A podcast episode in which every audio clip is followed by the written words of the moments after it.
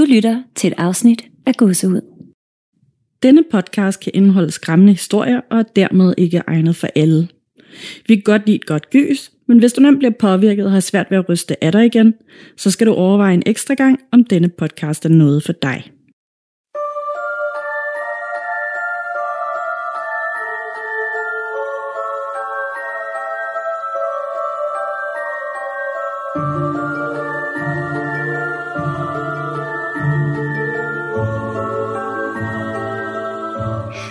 Nana, Hej Kalisa. og hej til alle jer derude, der sidder og lytter med til vores podcast. Hvordan har du haft det siden sidst, Nana? Jo, jeg har egentlig haft det sådan udmærket, skulle jeg lige til at sige, men jeg har faktisk været ekstremt træt. Åh oh, nej. Ja, ja, ja. Det, øh, sådan er det bare nogle gange, øhm, og rigtig tit for mig desværre. Hvad med dig?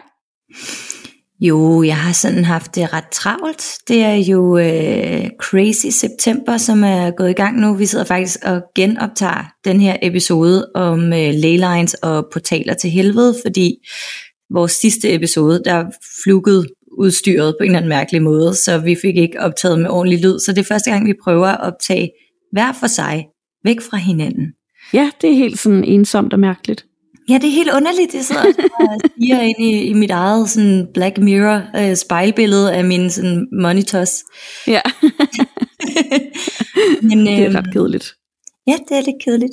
Og så, øh, altså, så øh, ja, nu her i dag, efter vi er færdige med at optage, fordi vi optager faktisk dagen før vi overhovedet øh, releaser, øh, sender episoden ud, jamen, øh, så har jeg faktisk, jeg har tre, tre skrivehold i dag. Jeg har en 13 timers lang arbejdsdag Wow. Forude. Øhm, så der har ikke rigtig været, der har ikke rigtig været noget spøgelsesaktivitet, føler jeg. Selvom der har været sådan en masse små ting, altså lyde inden for skabene og, og sådan, ja, the usual, altså det normale, det vi altid har herhjemme, ikke? Skygger ud øjenbrogen og klaprende låger og sådan noget. Det er da også rimelig meget, vil jeg sige. Det kan være lidt ikke? Altså det kan være ret uhyggeligt, men, øh, men det, det er egentlig ikke noget, som sådan skræmmer mig helt vildt. Nej. tror, det, der skræmmer mig allermest faktisk, det er det, vi skal, vi skal til at, at afsløre nu. Ja, det, øh, ja, det er også øh, ret sørgeligt. Øhm, det er nemlig sådan, at vi bliver nødt til at skifte navn. Og øh, ja, hvorfor, hvorfor det, Nana? Ja, det er nemlig sådan, at vi har fundet ud af, at, øh, at det forlag, der har udgivet hele Gåsehuds øh, bogserien, de jo selvfølgelig har øh, registreret Gåsehudsnavnet som varemærke, og derfor må vi egentlig ikke kalde os det. Så øh, for ikke at få øh, fingrene alt for meget i klemme og ende med at skulle betale en kæmpe, kæmpe stor bøde, så er det sådan, at vi bliver nødt til at skifte navn. Ja. Ja ja. Men vi vil jo ikke bare sidde her på den anden side og øh, finde på et eller andet øh, navn, så, øh, fordi at der er jo rigtig mange, der har et følelsesmæssigt bånd til, til gåsehud. Så vi tænkte, vi vil gerne have jer derude med indover. Øh, og vi har fundet på tre ting, øh, tre navne, som vi kan skifte over til, og så laver vi simpelthen en afstemning, der går i luften med det samme øh, her, at episoden den, den kommer også i luften, og så sender vi den her afstemning ud, og vi har valgt tre navne. Nemlig. Og øh, vil du fortælle, hvad de tre navne er? Det vil jeg gerne. Hehehe. For jeg synes faktisk, de er ret gode. øh, der er jo selvfølgelig intet, der kan måle sig med gåsehud, fordi at det har vi jo haft inde på livet så længe, men det her det er jo også en, en ny verden for os, altså et nyt kapitel, og øh, en mulighed for, at vi kan, vi kan bygge en anden legende rundt omkring podcasten. Så det første navn, det hedder øh, Spøgelsesarkivet. Uh. Uh. Det næste navn, det er Skræmt. med sådan store bogstaver. Og det sidste, det er Det spøger med udråbstegn. Fordi vi føler ligesom, de her tre navne, det er, det er nogen, der, der fagner ret godt det, vi laver her på podcasten. Men det kan også give mulighed for, at nu hvor vi ikke skal bekymre os om øh, patentlovgivning, øh, lovgivning, jamen, så kan vi for eksempel lave noget merchandise. Vi kan lave nogle banner, og nogle plakater, og nogle kopper, og nogle muleposer og sådan nogle ting. Og så er det kun vores til evig tid. Lige præcis, altså, og det bliver godt. Og øhm, vi har jo også besluttet os for, at det bliver sådan, at øh, det kommer op til afstemning inde på øh, Facebook-gruppen, hvor man så kan gå ind og stemme fra i dag, og så ind til på øh, lørdag, på øh, hvilket et af de her tre navne, man synes øh, lyder bedst. Og det er bare mega trist og mega ærgerligt. Kæmpe, kæmpe, kæmpe, kæmpe øv, at vi bliver nødt til at gøre det her nu. Og vi gør det også kun fordi, at vi virkelig bliver nødt til at gøre det. Mm. Øhm, så lad os prøve at vente til en god og positiv ting, og lave det lidt sjovt med den her afstemning, og så, øh, mm. ja, så skal det nok blive godt det hele alligevel. Mm. Helt bestemt. Jeg, jeg, jeg vælger jo at se det som en positiv ting. Altså jeg er selvfølgelig altid ked af, når ting ændrer sig, ja. men, øh, men det giver os bare mulighed for, at vi kan åbne op for nogle helt nye ting, noget helt andet. Øhm, og det, øh, det som podcasten, den bliver jo ved med at være sig selv, den bliver ved med at være godsud, den skifter mm. bare navn. Ja. Og øh, med den her afstemning, så får I mulighed for at lægge jeres øh, stemme i, øh, i boksen fra den 5. september til den 9. september, og så laver vi en grand reveal på næste tirsdag. Yes, med spritnyt logo og det hele. Med spritnyt. Nej, jeg ved ikke, helt spritnyt bliver det måske. Ikke helt spritnyt, nej. Vi har jo allerede næsten. haft et spritnyt. Jeg har det tog noget tid at tegne det. ja, præcis.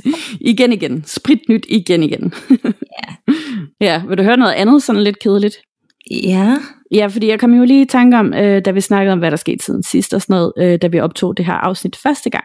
Der kunne jeg jo fortælle, at jeg næsten lige havde haft Mia for fucking uhyggeligt på besøg, og det bare, hun var bare skide hyggelig og mm-hmm. pisse sjov at være sammen med. Øhm, og øhm, så øh, havde vi siddet og spist middag, og så kom min kæreste hjem og sad og, og spiste, og øhm, så sad vi og snakkede om alle mulige uhyggelige ting selvfølgelig. Det gør man jo, når man ligesom er i branchen på den måde. Øhm, og så øh, begyndte min kæreste at fortælle lidt om uhyggelige ting, der skete i Indonesien og sådan noget også. Og om aftenen, så er det eneste lys, jeg som regel har tændt herhjemme, det er sådan en øh, farvet lyskæde, der hænger på øh, et billede, en af mine venner engang har, har øh, malet til mig.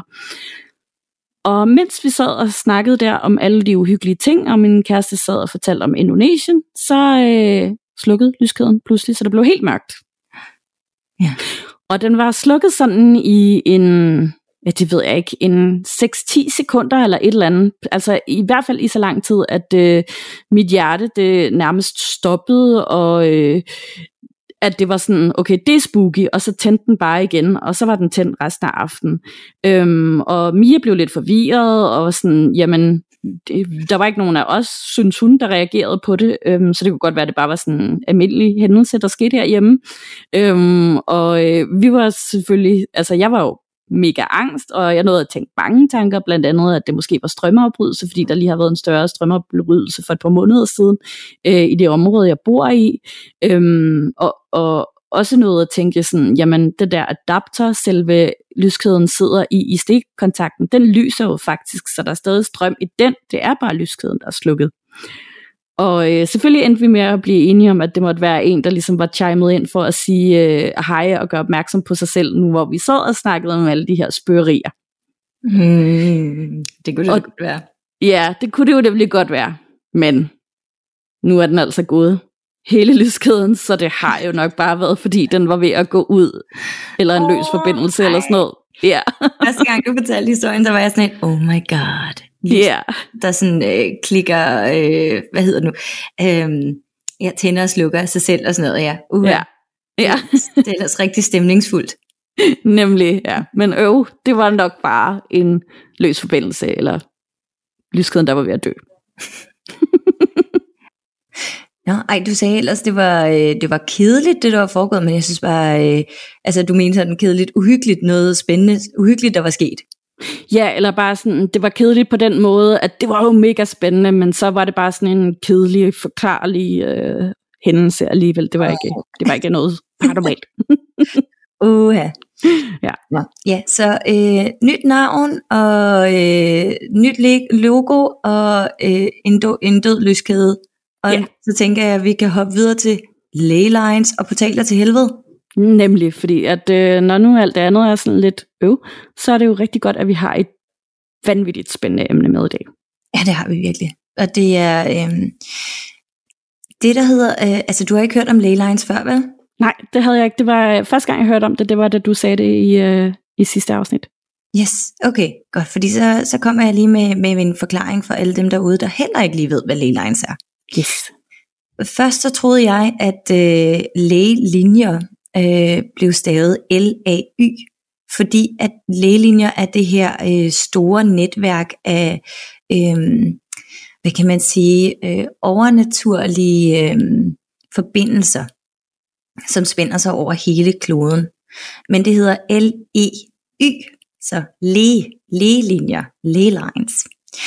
Øh, ley lines er en pseudovidenskabelig betegnelse for et fænomen, øh, hvor at alle oldtidsmonumenter og helligdom og kirker til synlædende er placeret på lige linjer øh, i hele verden rundt om jorden. Og man kan forbinde dem med de her streger, og nogle gange ret ofte faktisk, så tegner de pentagrammer i landskabet. Så sådan noget som man kan, man kan finde, der er sådan en hel masse med, med rundkirker fra, fra frimurerne og sådan nogle ting, hvor at deres, øh, deres kirker og deres hellige steder er placeret på de her ley lines. Man siger så også, at ley lines, ligesom øh, running water, ligesom undergrundsvand, øh, som ligesom sådan undergrundstrømme og den slags ting, det leder øh, energier eller spøgelser, eller sjæle, eller et eller andet overnaturligt, og det gør så bare, at, at alting bliver forstærket, når man sådan finder ind i det her epicenter, hvor leyline de krydser øh, hinanden. Det var øh, Alfred Watkins, der i øh, 1922 skrev den første bog omkring, øh, hvad leylines er. Og øh, sidenhen så er det noget, som vi ser også i, øh, i popkultur og i forskellige sådan, bøger og film og alle sådan nogle ting. Blandt andet så er jeg ret sikker på, at i The Conjuring øh, serierne eller øh, Conjuring-filmene, så er der også snak om ley lines og de her huse, som er bygget oven på øh, meget magiske steder, de her epicenter, hvor det hele krydser hinanden. I 1962 så var der sådan en kæmpe opblomstring af spiritualisme, og øh, The Leyline Hunting Community blev skabt, som er et øh, fællesskab, hvor at de, ja, de laver nogle klubber, og de laver nogle seancer, og øh, de leder efter de her leylines og, og prøver at, øh, at finde beviser, og det lever stadigvæk i bedste velgående den dag i dag. I 2004 og 5 så øh, kom skeptikerne frem med fokus på sådan noget som, jamen, det er bare mønsteranalyse, og øh, de prøvede at, at modbevise øh, leylines ved for eksempel at øh, vise, hvordan jamen hvis jeg bare tager alle pizzeriaerne i New York, så ligger de også på en lige linje. Eller alle telefonboksene i London, jamen så ligger de også på en lige linje, og man kan tegne pentagrammer igennem og, og sådan forbinde dem på den måde.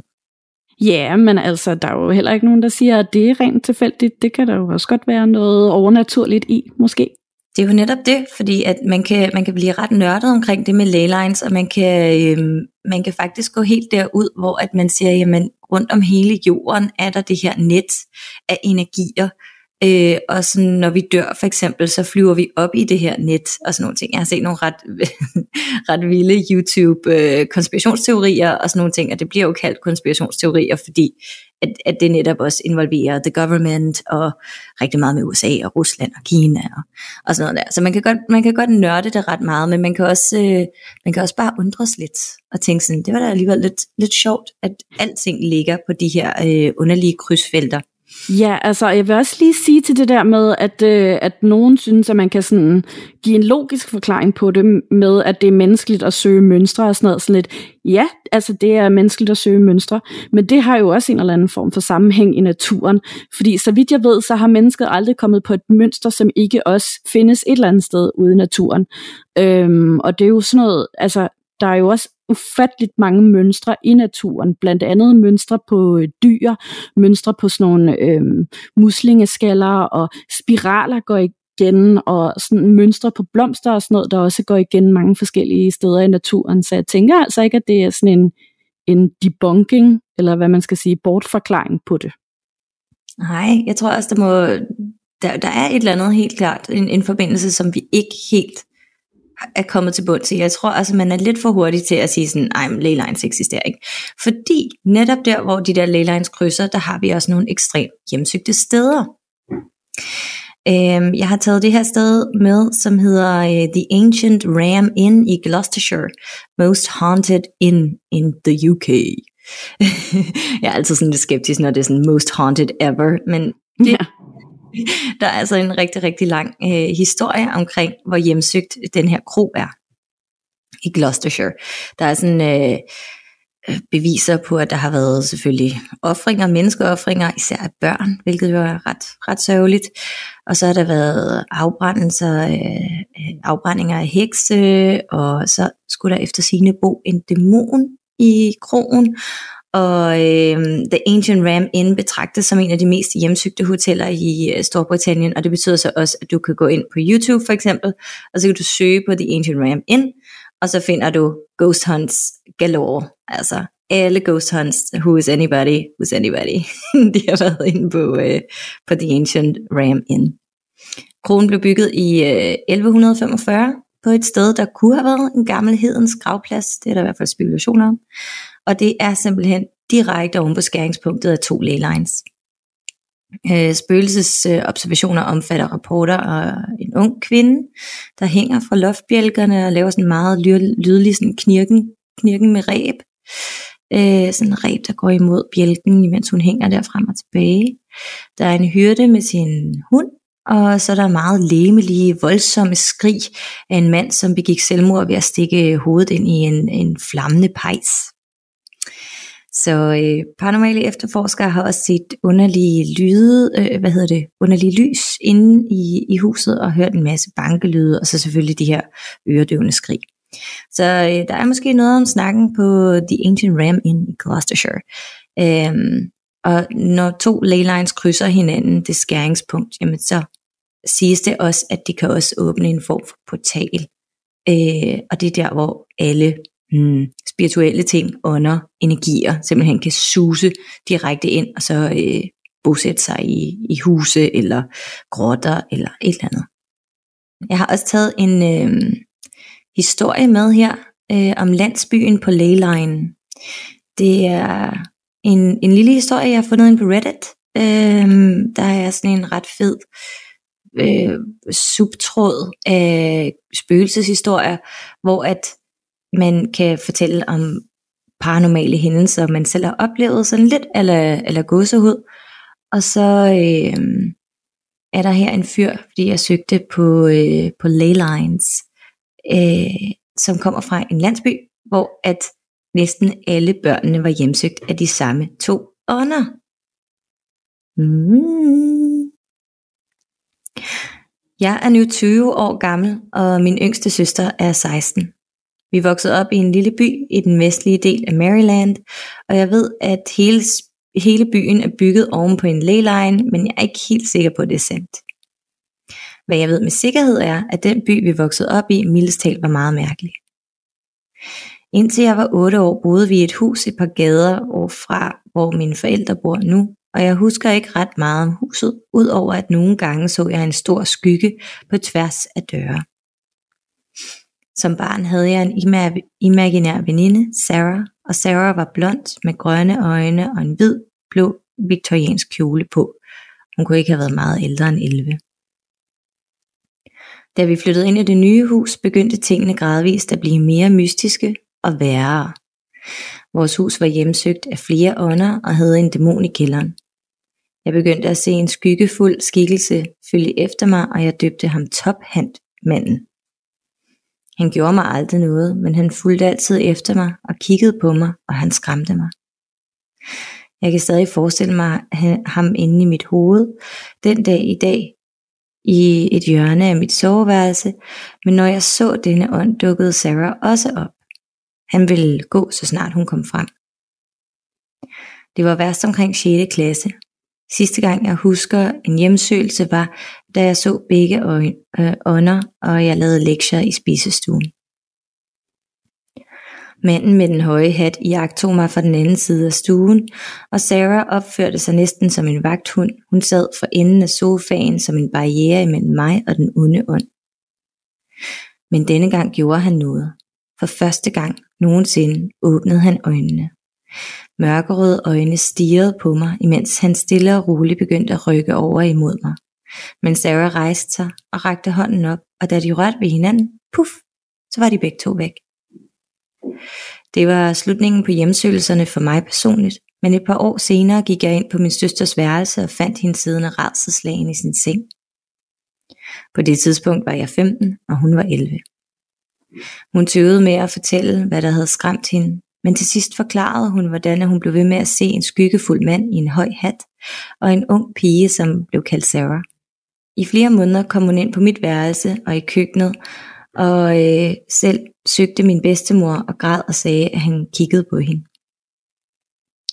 Omkring det tidspunkt fik vi også vores hus velsignet på grund af den dæmoniske aktivitet, øh, men vi talte aldrig om det igen. Jeg ville virkelig ønske, at det var slutningen, men blandt mange vennegrupper i gymnasiet og mellemskolen og ved hangout og frokoster har jeg haft mulighed for at dele mine spøgelseshistorier, som teenager jo gør. Og min søster og jeg er ikke de eneste i landsbyen med samme oplevelse. I alt 10 andre børn på min alder har set det samme. En høj skyggefigur i en høj hat og en blond lille pige ved navn Sarah. Og alle sagde det samme. De holdt op med at se begge ånder, da de var omkring 11 eller 12 år gamle. Så øh, landsbyen på Leyline, der har måske været et eller andet øh, mystisk, mystisk øh, der har lukket op for de her to ånder. Og jeg tænker jo med det samme, The Hatman. Ja, det tænker jeg også fuldstændig. Det øh, første tanke, det må være The Hatman, og så åbenbart en eller anden øhm, beskytterfigur for de her børn, som er på samme alder som dem. Det er jo lidt pudsigt, at de også alle sammen ser de her to væsener i den samme alder, ikke? Jo, det er super, super underligt. Og jeg faktisk, apropos The Hatman, bare lige et lille bitte øh, side note, sidespor her. Det var, øh, jeg har været inde og set den nyeste øh, afsnit af Nukes Top 5, som jo selvfølgelig er øh, den her sammenklipning af en masse found footage og spøgelsesvideoer øh, og sådan noget på internettet. Og der var en, der fangede The Hatman uh. inde i det nyeste klip. Og det er uden tvivl, du kan se skyggen, og du kan se hatten, og det er creepy. Jeg får gås ud bare at tale om det. Uh. Ej, det glæder jeg mig til at gå ind og se. Ja, jeg kan godt anbefale det nyeste afsnit. Fedt, fedt, fedt, fedt, fedt, fedt. Så øh, Leylines, måske er det åbninger til portaler, og der havde du taget noget med. Ja, altså jeg synes jo, det giver god mening nu, hvor jeg ligesom ved, hvad Leylines er, at, øh, at ja, fordi der, altså, der er simpelthen så mange fortolkninger og forklaringer på, hvad portaler er. Normalt så forstår det i den paranormale verden som en indgang eller en dør, der forbinder vores verden og den åndelige verden. Der er som sagt utallige tolkninger og teorier om, hvor de findes, hvordan de ser ud og hvordan de fungerer. Nogle mener, at der kun er få af dem i hele verden, mens der er andre, der mener, at de eksisterer overalt.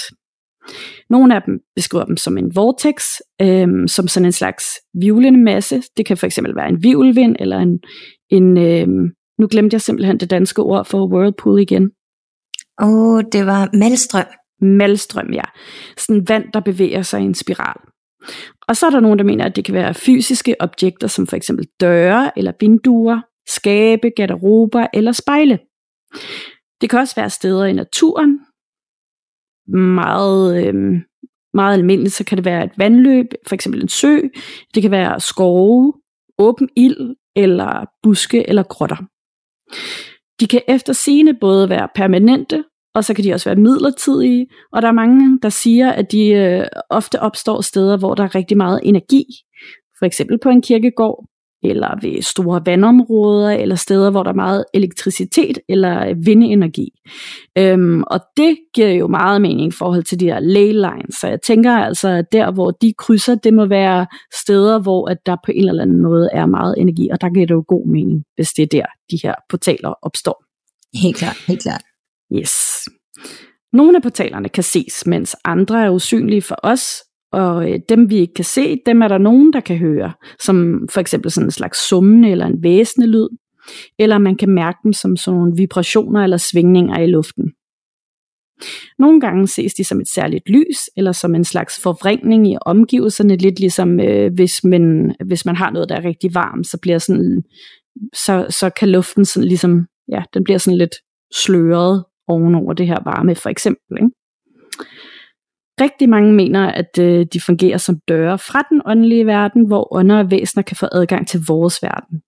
Og det kan både være sådan, så at de fungerer som svingdøre, så ånder og væsener kan bevæge sig frit mellem verdenerne, eller de kan også være envejsportaler, så man enten er fanget, når man er gået igennem, eller man må finde en ny portal for at komme tilbage til der, hvor man kom fra. Det siges også, at nogen fra vores verden måske endda kan få adgang til andre verdener, eller riger, dimensioner, eller rejser i tiden sågar. Og nogle gange så går de også bare til andre steder her på jorden. Jeg har kigget lidt på, hvordan man så øh, åbner en portal, fordi at øh, der er lige så mange opskrifter på ritualer, man kan udføre for at åbne en portal, som der er tolkninger og forståelser for, hvordan en portal fungerer og ser ud. Og øh, nogle af de mest populære metoder, man kan bruge for at åbne en portal, er selvfølgelig at meditere. Det hører meget til i den spirituelle verden. Så kan man bruge tarotkort, Ouija boards, eller man kan sætte to spejle op foran hinanden, er der også mange, der siger. Man kan finde rigtig mange tips på nettet, men øh, langt de fleste advarer mod at gøre det, medmindre man er øh, eller har selskab af nogen, som har stor erfaring med den anden verden. Og det er rigtig vigtigt, at man gør det med forsigtighed, med ydmyghed og med stor respekt, og på forhånd sætter sig nogle klare intentioner med, hvad det egentlig er, hvorfor det egentlig er, at man vil åbne den her portal, og at man også laver en helt klar plan for at lukke portalen forsvarligt igen bagefter. Jeg har selvfølgelig fundet et øh, helt konkret ritual, som øh, en Reddit-bruger påstår, at han har afprøvet. Og øh, det er egentlig også en meget øh, creepy historie. Han fortæller om, hvordan han har fundet det her ritual, hvordan han har prøvet at udføre det, og hvad der så er sket bagefter. Det øh, tyder nemlig på, at han ikke rigtig har fået lukket den her portal ordentligt. Og øh, jeg, linker, øh, jeg linker til øh, hele den her historie i Facebook-gruppen, men, øh, men I får lige selve ritualet her. Formålet med ritualet er at åbne en portal til en anden dimension og tale med en ånd. Alle reglerne skal følges nøjagtigt som skrevet, for at ritualet virker. Det kan have farlige konsekvenser at bryde nogle af reglerne. Du skal bruge seks genstande for at udføre ritualet. Et fuldfigurspejl, et lys til hver deltager, tændstikker, et stykke papir, en kuglepind eller en blyant, og så en offergave. Trin 1. Placer spejlet op ad en dør. Trin 2. Sluk alt elektrisk lys i rummet og tænd dit eller dine sterinlys. Trin 3. Læg en offergave på papiret. Det bør være noget, der kommer fra dig selv, som du ikke er komfortabel med at give fra dig. Hvis du for eksempel er rigtig glad for dit hår, så skal du klippe et stykke af, der er så stort, at du nok trænger til at, at få en klipning bagefter. Hvis du derimod er rigtig, rigtig glad for dine negle og stolt af dem, så kan du klippe dem af. Og øh, det kan selvfølgelig også være dit eget blod, hvis du synes, det er ubehageligt at give fra dig. Det er det jo som regel, hvis man er nødt til at stikke eller skære i sig selv for at få blodet frem. Alle deltagere skal give en offergave. Trin 4. Skriv sætningen, døren er åben på papirlappen. Det kan være på hvilket som helst sprog, men du skal sørge for, at det er grammatisk korrekt, for ellers så ritualet mislykkes. Trin 5. Skub papiret ind under døren og vent. Hvis der ikke sker mere, så er ritualet mislykket, og så skal du muligvis ofre noget mere, det vil sige noget mere hår eller blod, eller hvad du nu end har valgt. Hvis ritualet derimod virker, så vil en ånd dukke op i spejlet. Tak høfligt ånden for dens tid, og spørg om den vil kommunikere med dig. Hvis den vil, kan du fortsætte med at stille tre spørgsmål. Men du skal ikke stille mere end tre spørgsmål. For hvis du stiller for mange spørgsmål eller bruger alt for lang tid på dem, så risikerer du at lade portalen stå åben for længe og tiltrække onde ånder, som måske har til hensigt at finde en vej ind og øh, måske gøre nogle ikke så behagelige ting her i vores verden. Du kan stille hvilket som helst spørgsmål til ånden, men øh, du skal bare gøre det med respekt for ånden.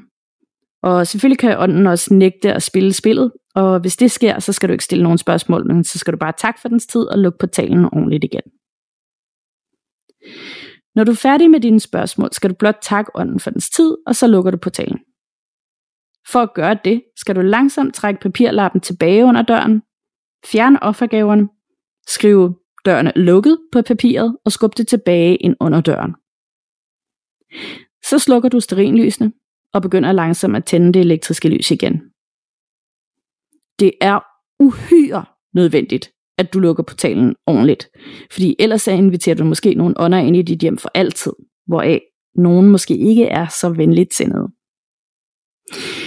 Det er også en god idé at kassere spejlet, men det skal være et sted, hvor der er ingen, der nogensinde vil finde det, fordi under spillet så tjener det her spejl som en åben dør, og ånder kan måske være knyttet til spejlet, og vil derfor lede efter enhver mulighed, de kan for at døren åbnes igen. Så du må ikke knuse spejlet, for et knust spejl bryder barrieren mellem vores verden og åndenverden. Og så står der, hvis øh, alt er gjort korrekt, så er det her spil en meget sikker måde at kontakte åndverden på, men det er jeg faktisk ikke helt enig i, fordi der er ikke nogen garantier for, at noget er sikkert her, uanset hvor forsigtig man selv har været. Så øh, det her er ikke en opfordring til at øh, prøve det her. Øhm, det gør man fuldstændig på eget ansvar, hvis man gerne vil kaste sig ud i det. Ja, og øh, jeg har selvfølgelig også fundet to steder, øh, som efter sine skulle være nogle meget stærke portaler, og det ligger i Storbritannien. Det første er Leap Castle i Irland. Det storslåede irske slot, som blev bygget engang mellem det 13. og slutningen af det 15. århundrede, gemmer på flere grufulde dødsfald. En af historierne handler om en kamp om magten inden for O'Carroll-klanen, som også i øvrigt havde en forkærlighed for at forgifte deres middagsgæster, de lyder rigtig rare. Øhm, hvor et af medlemmerne kastede et svær, som ramte hans bror, som var præst. Og det her blodige opgør, det skete alt imens præsten holdt masse i uh, slottets kapel, som nu derfor kaldes The Bloody Chapel, eller det blodige kapel, hvor præsten nu siges at hjemmesøge kirken om natten. Men alle rædslerne, de slutter ikke her. I hvert fald ikke ifølge den makabre historie, der er skrevet på Liebkassers hjemmeside, fordi øh, under renoveringer i begyndelsen af 1900-tallet, der var der en gruppe håndværkere, der fandt et hemmeligt fangehul i Bloody Chapel. Med så mange menneskeskeletter, at de følte hele tre vognladninger, da det blev kørt væk derfra. Det her fangehul, det var designet sådan, at fangerne faldt igennem en skjult lem i gulvet, og ned på nogle træpigge i jorden, som så punkterede deres lunger. På den måde så led de her stakkels fanger en øh, langsom, smertefuld og helt forfærdelig død, som øh, de her lyssky klanmedlemmer ovenover kunne høre og ligesom gå og nyde, eller hvad de nu ja, gjorde. Der har selvfølgelig været flere ghost hunts på stedet, og nogen mener også, at de har fanget et af spøgelserne på kamera. Og øh, det her billede lægger jeg selvfølgelig også ind i Facebook-gruppen. Og jeg vil sige så meget, at øh, hvis ikke det er manipuleret, så er det i hvert fald et øh, virkelig, virkelig vildt billede. Så øh, det glæder jeg mig til at høre jeres mening om. Så skal vi til et andet sted. Den her gang så er det Nordirland. Crumlin Road Gaol er et viktoriansk fængsel i Belfast, som siges at være et af de mest hjemsøgte steder i Nordirland. Det bliver ofte omtalt som Europas Alcatraz, og øh, fængslet huser omkring 25.000 fanger, som både var mænd, kvinder og børn i løbet af dets 150 års virke. Mange af disse fanger blev hængt offentligt, og deres liv blev begravet inden for fængslets mure. Institutionen lukkede officielt i 1996, men spøgelserne fra de afdøde indsatte siges selvfølgelig stadig at strejfe rundt på de jernklædte gange i dag. Spøgelsesjæger og besøgende i de tidligere fængsel har rapporteret om flere observationer og mærkelige lyde. Man kan høre døre, der bliver smækket i af sig selv. Man kan høre mande- og kvindestemmer, der øh, tydeligt råber på hjælp. En mand, der går ned af C-fløjen, forsvinder ud i ingenting, er især blevet set af rigtig, rigtig mange af gæsterne i øh, fængslet. Et af de mest hjemsøgte steder er øh, tunnelen, der løber under hovedvejen Crumlin Road og forbinder fængslet med den berømte retsbygning. Selv i de dage, hvor fængslet var aktivt, rapporterede fængselsbetjente om mærkelige hændelser i den her tunnel. Blandt andet så man en, øh, en grå figur, der øh, der ligesom sådan svævede eller gik igennem den her tunnel. For ikke så lang tid siden, så er der spøgelsesjæger, der har fået flere optagelser derindefra på videokamera og øh, fået en digital stemmeoptager, hvor man kan høre en mands støn, suk, hoste og fløjten. Og øh, de blev fanget på øh, kamera og stemmeoptager, da de vidste, at der ikke var andre til stede sammen med dem inde i fængslet. Der er også et meget berømt øh, billede af et ansigt i kisten, som er taget af en person på besøg i fængslet. Og øh, det skete inde i øh, B-fløjen, øh, som også var hjemst- hjemsted, eller sådan, var sted for øh, isolationscellen med polstrede vægge. Og den her celle skulle efter sigende også være det mest skræmmende sted overhovedet i hele fængslet. Der er der masser af gæster, der har rapporteret om at blive berørt eller blive skuffet, mens de var inde i cellen. Og øh, der er også mange, der siger, at de har følt sådan en helt overvældende følelse af ubehag, og at der også skulle være en tilstedeværelse af en mørk skikkelse, der lurer rundt omkring i hjørnerne derinde. B-fløjen den er også hjemsted for en spøgelsesagtig fængselsbetjent, som stadig kan høres med sin høje fodtrin, der går ned ad fløjen. Man har også set en stor mørk figur, der driver fra celle til celle, og det kan måske også stadig være den her vagt, der øh, stadig udfører sine daglige pligter hver dag. D-fløjen siges at være hjemsted for et spøgelse af en mand, der står i døråbningerne og bare ser på, hvad de besøgende laver. Døre i denne fløj er også kendt for at blive smækket og, og lukket af sig selv, og objekter kan også nogle gange blive smidt rum på tværs af rummene, eller øh, simpelthen bare forsvinde ud i luften. Fængslet her siges også at være hjemsted for en øh, række andre spøgelser, som er alt for glade for at fortælle dig, at øh, de stadig er i nærheden, når du er på besøg, altså gør opmærksom på sig selv. Og øh, det er selvfølgelig heller ikke svært at tro, at, øh, at der sker noget, øh, og der stadig er en masse energi i det her fængsel, med alle de traumatiske begivenheder, der ligesom har været øh, sket inden for de her mure i fængslet med henrettelser og øh, måske folk, der er blevet fængslet uskyldigt, øh, og at der i det hele taget også har været børn, der har siddet i det her fængsel. Men øhm, hvis det her lyder som et sted, du godt kunne tænke dig at besøge, så er du faktisk rigtig heldig, fordi øh, Crumlin Road Gaol tilbyder nemlig daglige ture rundt i fængslet. Der er sågar også live-koncerter og øh, rigtig gode måltider til rimelige priser i den restaurant, de har lavet på stedet. Og øhm, så fungerer det endda også som et mødested for konferencer og, øh, tro det eller hvad, bryllupper. Så øh, måske det her Crumlin Road Gaol, det er lidt ligesom fængslet i Horsens her hjemme i Danmark, så, hvor der også sker en hel masse kulturting og koncerter og alt sådan noget. Ja.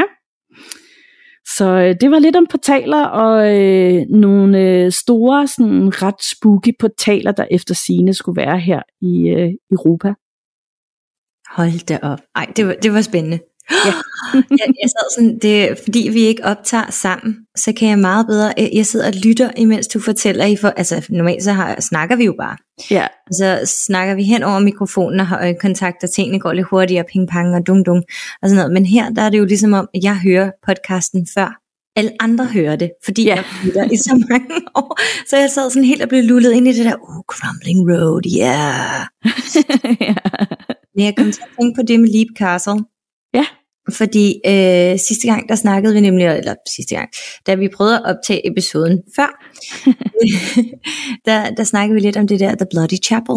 For der er nemlig, øh, jeg tror vi snakker om det samme i det der med, at der var et hemmeligt rum neden under gulvet, sådan en ja. fangekælder. Øh, og det hedder simpelthen en obliet. Og obliet, ja en obliat. Og det er sådan en slags øh, fangehul, hvor at der er en meget smal, snæver øh, øh, sådan luge, hvor man smider folk ned, og så kan det enten blive til sådan et større fangekælder, hvor at du falder ned oven på pigge, eller andre folks knogler, og sådan halvdøde lig og sådan noget. Eller også kan det være den, øh, den klassiske franske øh, obliat, som bare er en lang tunnel, hvor at du kan, du kan ikke ligge ned, altså du bliver bare smidt ned rigtig langt, flere meter, så du brækker dine ben, og så er oblietten som regel også i nærheden af køkkenet, så du kan dufte maden. Det, det skulle siges at være, øh, hvis ikke en portal til helvede, så helt klart øh, et hul til helvede. Ej, men altså, det er jo helvede. Altså, jeg kan nærmest ikke forestille mig noget værre. Det der med, at man bare bliver smidt derned, og man kan ikke bevæge sig. Altså, man kan ikke lægge sig, man kan ikke sætte sig. Mm-hmm. Øhm, ej, det, puha, ens ben er brækket, fordi man er blevet kastet derned, og så kan du bare lugte til maden, men du kan ikke få noget. Oh ja, yeah. oh ja. Yeah. Måske står du oven på en person, som kun er halvdød. Ad, ad, ad. Det er uh. simpelthen ulækkert der. Det er så nasty. Uh. Men altså, øh, når vi også snakker om, om portaler og portalopskrifter, så vil jeg også lige en, en løftet pegefinger herfra. Jeg har på et tidspunkt leget lidt det med, med spejle og hidkalde øh, nogle ting og, og prøve at åbne en dør for, for noget, som jeg egentlig havde lukket fuldstændig for. Og det endte virkelig, virkelig galt. Så, øh, Så man skal, man skal være varsom, og man skal være bevidst, og det er ikke noget, man bare lige gør for sjov, og bestemt ikke, når man har drukket. Nul alkohol, når man fifler med de her ting. Nemlig, det er rigtigt. Det har vi også øh, stødt på før, det her med, at det er altså faktisk rigtig, rigtig farligt. Og det har sikkert også noget at gøre med, at man bliver lidt mere tjusket som regel, når man har fået noget alkohol indenbords. Øhm, og man bliver sådan nemmere modtagelig, øh, påvirkelig over for øh, alle mulige ting, samtidig med, at man ikke er så kritisk over for, for ja, alt ja. muligt.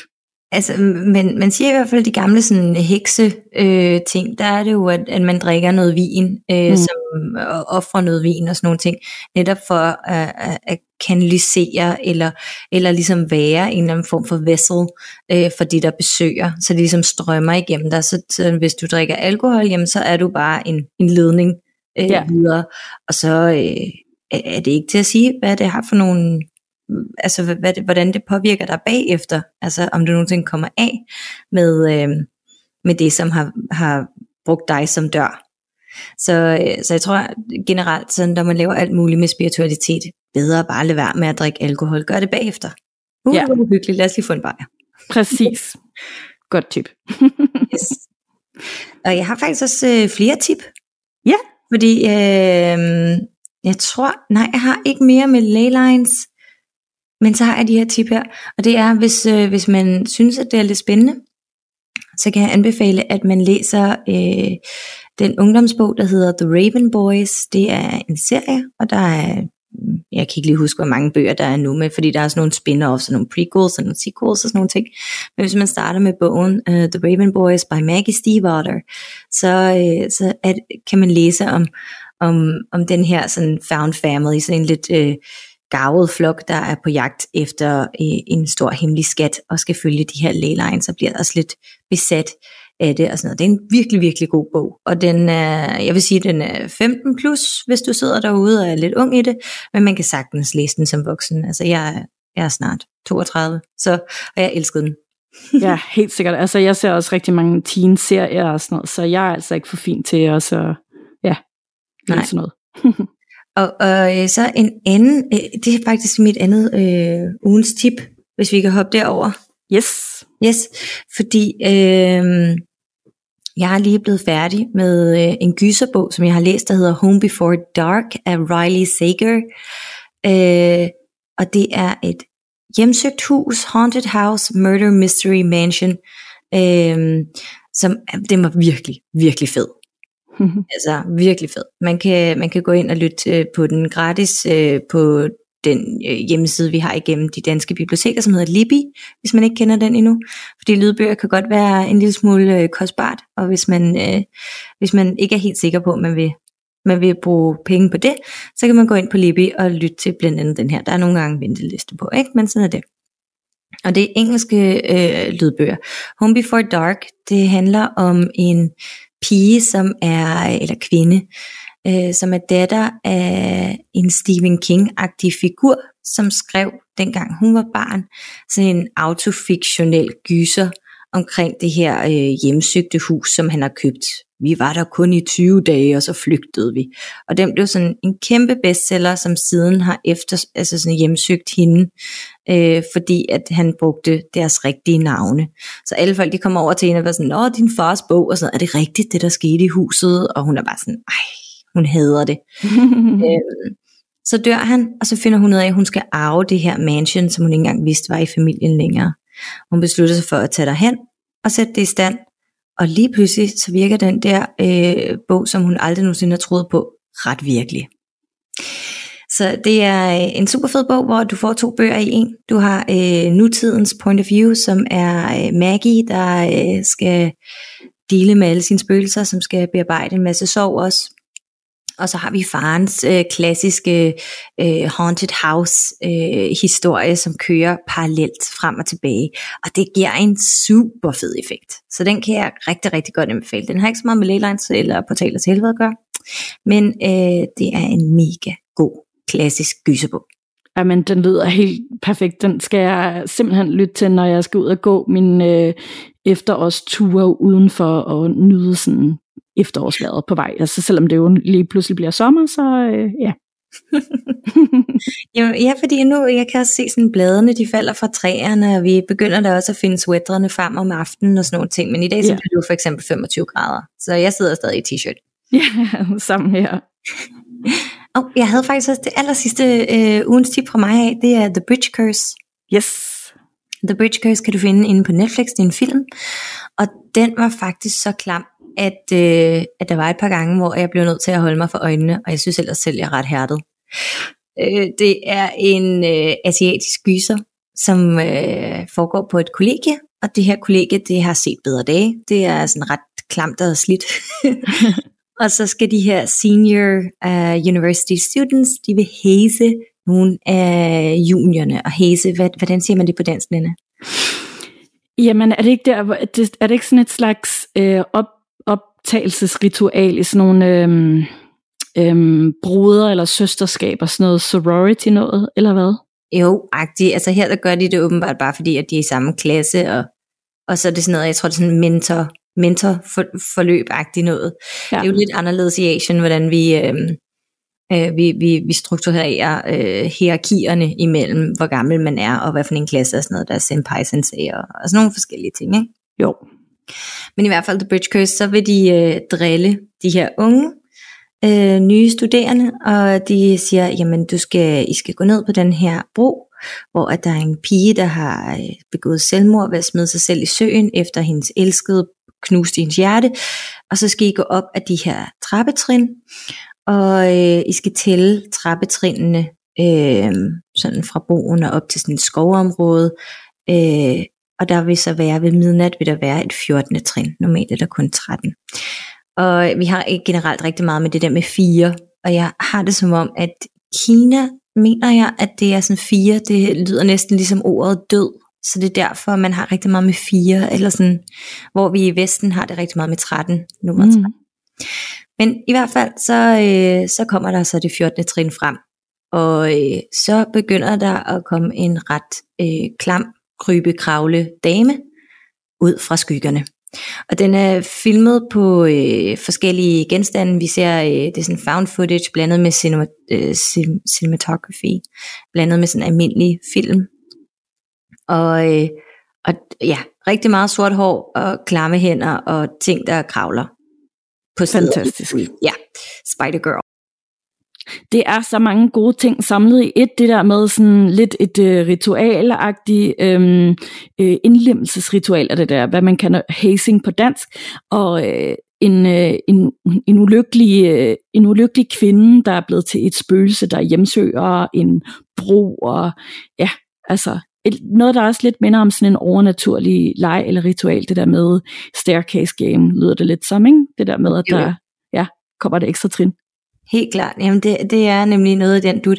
Jeg skal måske også lige give en trigger warning på The Bridge Curse, fordi at vi har øh, selvfølgelig nogle klamme ting, der sker, fordi det er dæmonisk energi, så er der øh, noget opkast, og der er også en toiletscene, som jeg selv skippede. øh, det synes jeg simpelthen var for nasty. Øh, for de forkerte grunde. Jeg, jeg kan slet ikke, når det er sådan noget med folk, der sidder på lokum. Jeg gider simpelthen ikke se det. Nej. og så det sidste, det er øh, selvfølgelig noget SA, sexual assault. Øhm, så hvad, have lige det med i mente, hvis, øh, hvis man begiver sig ind i The Bridge Curse. Ja, det er ligesom om, man kommer øh, alting igennem der. ja. Yes. Nå, jeg har også tre tips med faktisk, og det er tre film. Og øh, den første var sådan en, jeg faldt over sidste weekend, hvor jeg bare sad og sådan lidt efter et eller andet, jeg skulle kigge på på Netflix. Så så jeg lige pludselig, at der var en Ghostbusters film. Mm. Ghostbusters Afterlife. Den er heller ikke ret gammel. Øhm, den skulle være fra 2001. Jeg anede simpelthen ikke, den eksisterede. Og den har en ret fed øhm, rolleliste, blandt andet øh, Paul Rudd og øh, Finn Wolfhard, som man måske kender som Mike fra Stranger Things. Så der er også McKenna Grace, som spiller en af øh, søskende som børn i øh, serien The Haunting of Hill House. Og øh, så er der også tre af de øh, originale Ghostbusters med Bill Murray, Dan Aykroyd og Ernie Hudson. Den sidste er selvfølgelig ikke med, fordi at øh, han ikke lever længere. Og øh, så er Sigourney Weaver også med. Så øh, det er både sådan nye skuespillere, og så øh, gode gamle kendinger for øh, den originale, de originale film. Og øhm, normalt er jeg ellers ikke rigtig til Ghostbusters. Jeg har aldrig rigtig været til originalfilm. Jeg synes, de er for fjollede, og jeg synes også, øh, den nye med de kvindelige Ghostbusters var for fjollet. Men den her, den virkede bare rigtig godt på en helt anden måde. Og jeg ved ikke, om det er fordi, at øh, skuespillerne måske var en anden karakter. Den var i hvert fald ikke rigtig lige så fjollet på en eller anden måde, og jeg var bare virkelig, virkelig, virkelig godt underholdt. Øhm, og jeg synes bare, at det er sådan en rigtig god lørdag eftermiddagsfilm for hele familien. Og øh, den anden, jeg vil anbefale, er også fra Netflix, og har også lidt samme vibe. Der er også faktisk øh, lytter, der før har anbefalet den inde i øh, Facebook-gruppen. Det er også sådan en øh, gyser-comedy, mere end noget andet. Den hedder We Have a Ghost, og er den her sorte familie, der flytter ind i et øh, nyt hus, som viser sig at være hjemsøgt af spøgelset, som de først kender som Ernest. Og, og han spilles af David Arbor, som, som man måske kender som Hopper for Stranger Things, så der er sådan lidt øh, en rød tråd her.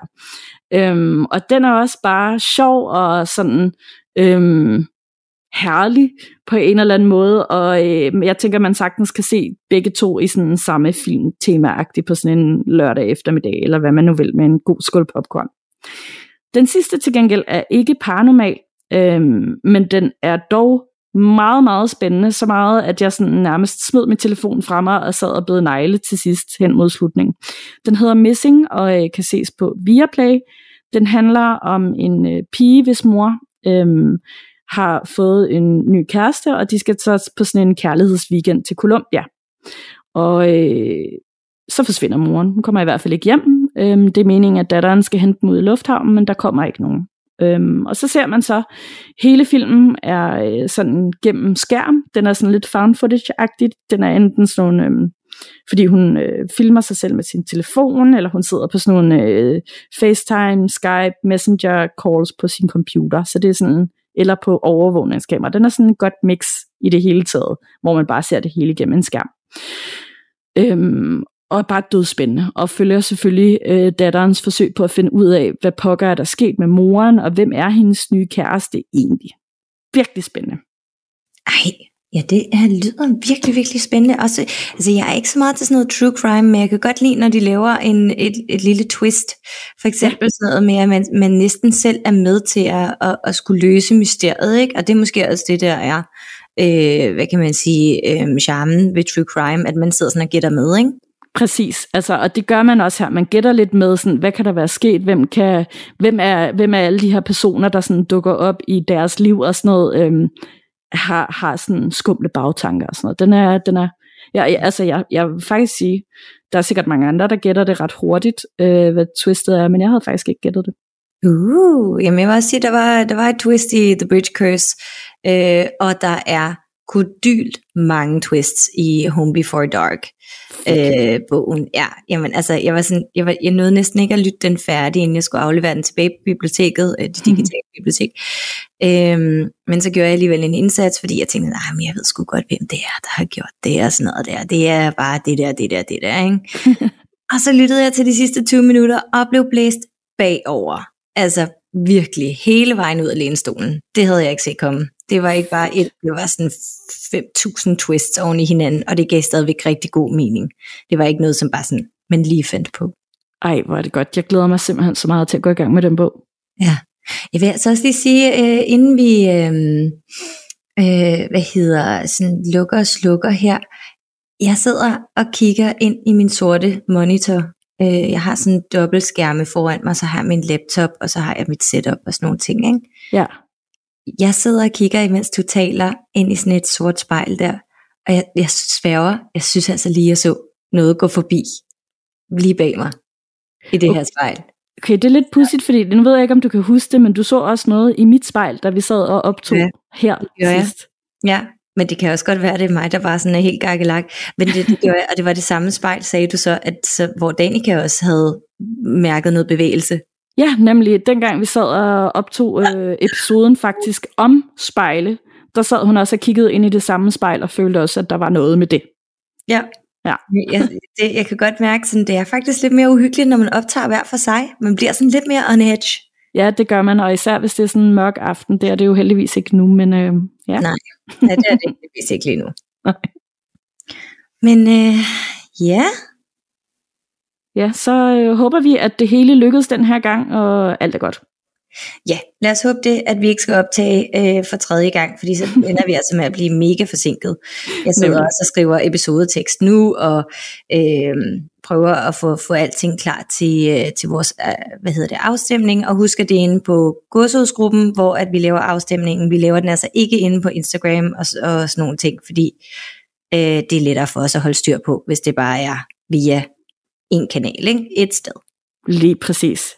Yes, og husk også endelig, at øh, du kan stadig skrive til os på gåsehudpodcast.gmail.com, gåsehud med to A'er. Indtil videre, øh, vi får først ny e-mailadresse, når, øh, når vi skifter navn. Yes, og vi beholder selvfølgelig også den gamle e-mailadresse, så alle de lytterberetninger, der ligger der, og alle de lytterberetninger, som kommer fra de gamle afsnit. Øhm, der kommer sikkert også nogle dumme, fordi folk lytter jo ikke altid bare fra den nyeste episode, de går også som regel tilbage til enten første episode eller 50. eller et eller andet. Ikke? Præcis. Øhm, den, dem holder vi selvfølgelig fast i, og sørger for, at alle bliver omdirigeret til det rigtige Nemlig. sted at være. Så øhm, ja, det bliver virkelig spændende at se, hvad I vælger for, nogen, øh, for, for et navn. Jeg, jeg, jeg har helt klart en favorit. Har du også en favorit, Nana? Øhm, nej, det har jeg faktisk ikke. Det har skiftet sådan lidt, og lige nu har jeg bare sådan, det kan være alle tre. Jeg er tilfreds med alle tre. Ah, okay, okay. Ja, ja, men jeg er virkelig også spændt på at se, hvad folk synes. Ja, ja. Fordi vi har virkelig snakket med rigtig mange forskellige mennesker omkring, hvad for nogle valgmuligheder, der skulle ind. Jeg tror, vi har hver især og til sammen snakket med sådan 25 mennesker om, om øh, navne, sparring og sådan noget. Ikke? Helt klart. Så der ligger et kæmpe arbejde i det her, og øh, ja, så håber vi bare, at øh, vi alle sammen kan se det som noget super fedt og ny energi og Ja, det tænker jeg også. ny retning. yes. Okay, Ja. Nana. Jamen, øh, tak for i dag, og tak for snakken. Ja, tak for snakken. Og tak til alle jer derude, der lige har øh, lyttet med, og vi glæder os rigtig meget til næste tirsdag, hvor at vi øh, tager et, et dejligt langt episode afsnit, hvor vi laver grand reveal, og øh, også lige snakker om måske vores følelser omkring det der med at skifte navn og sådan nogle ting, ikke også? Og øh, på genhør næste tirsdag. Og pas nu på, at du ikke bliver alt for bange for din egen skygge. Der er så meget andet, der lurer ude i mørket.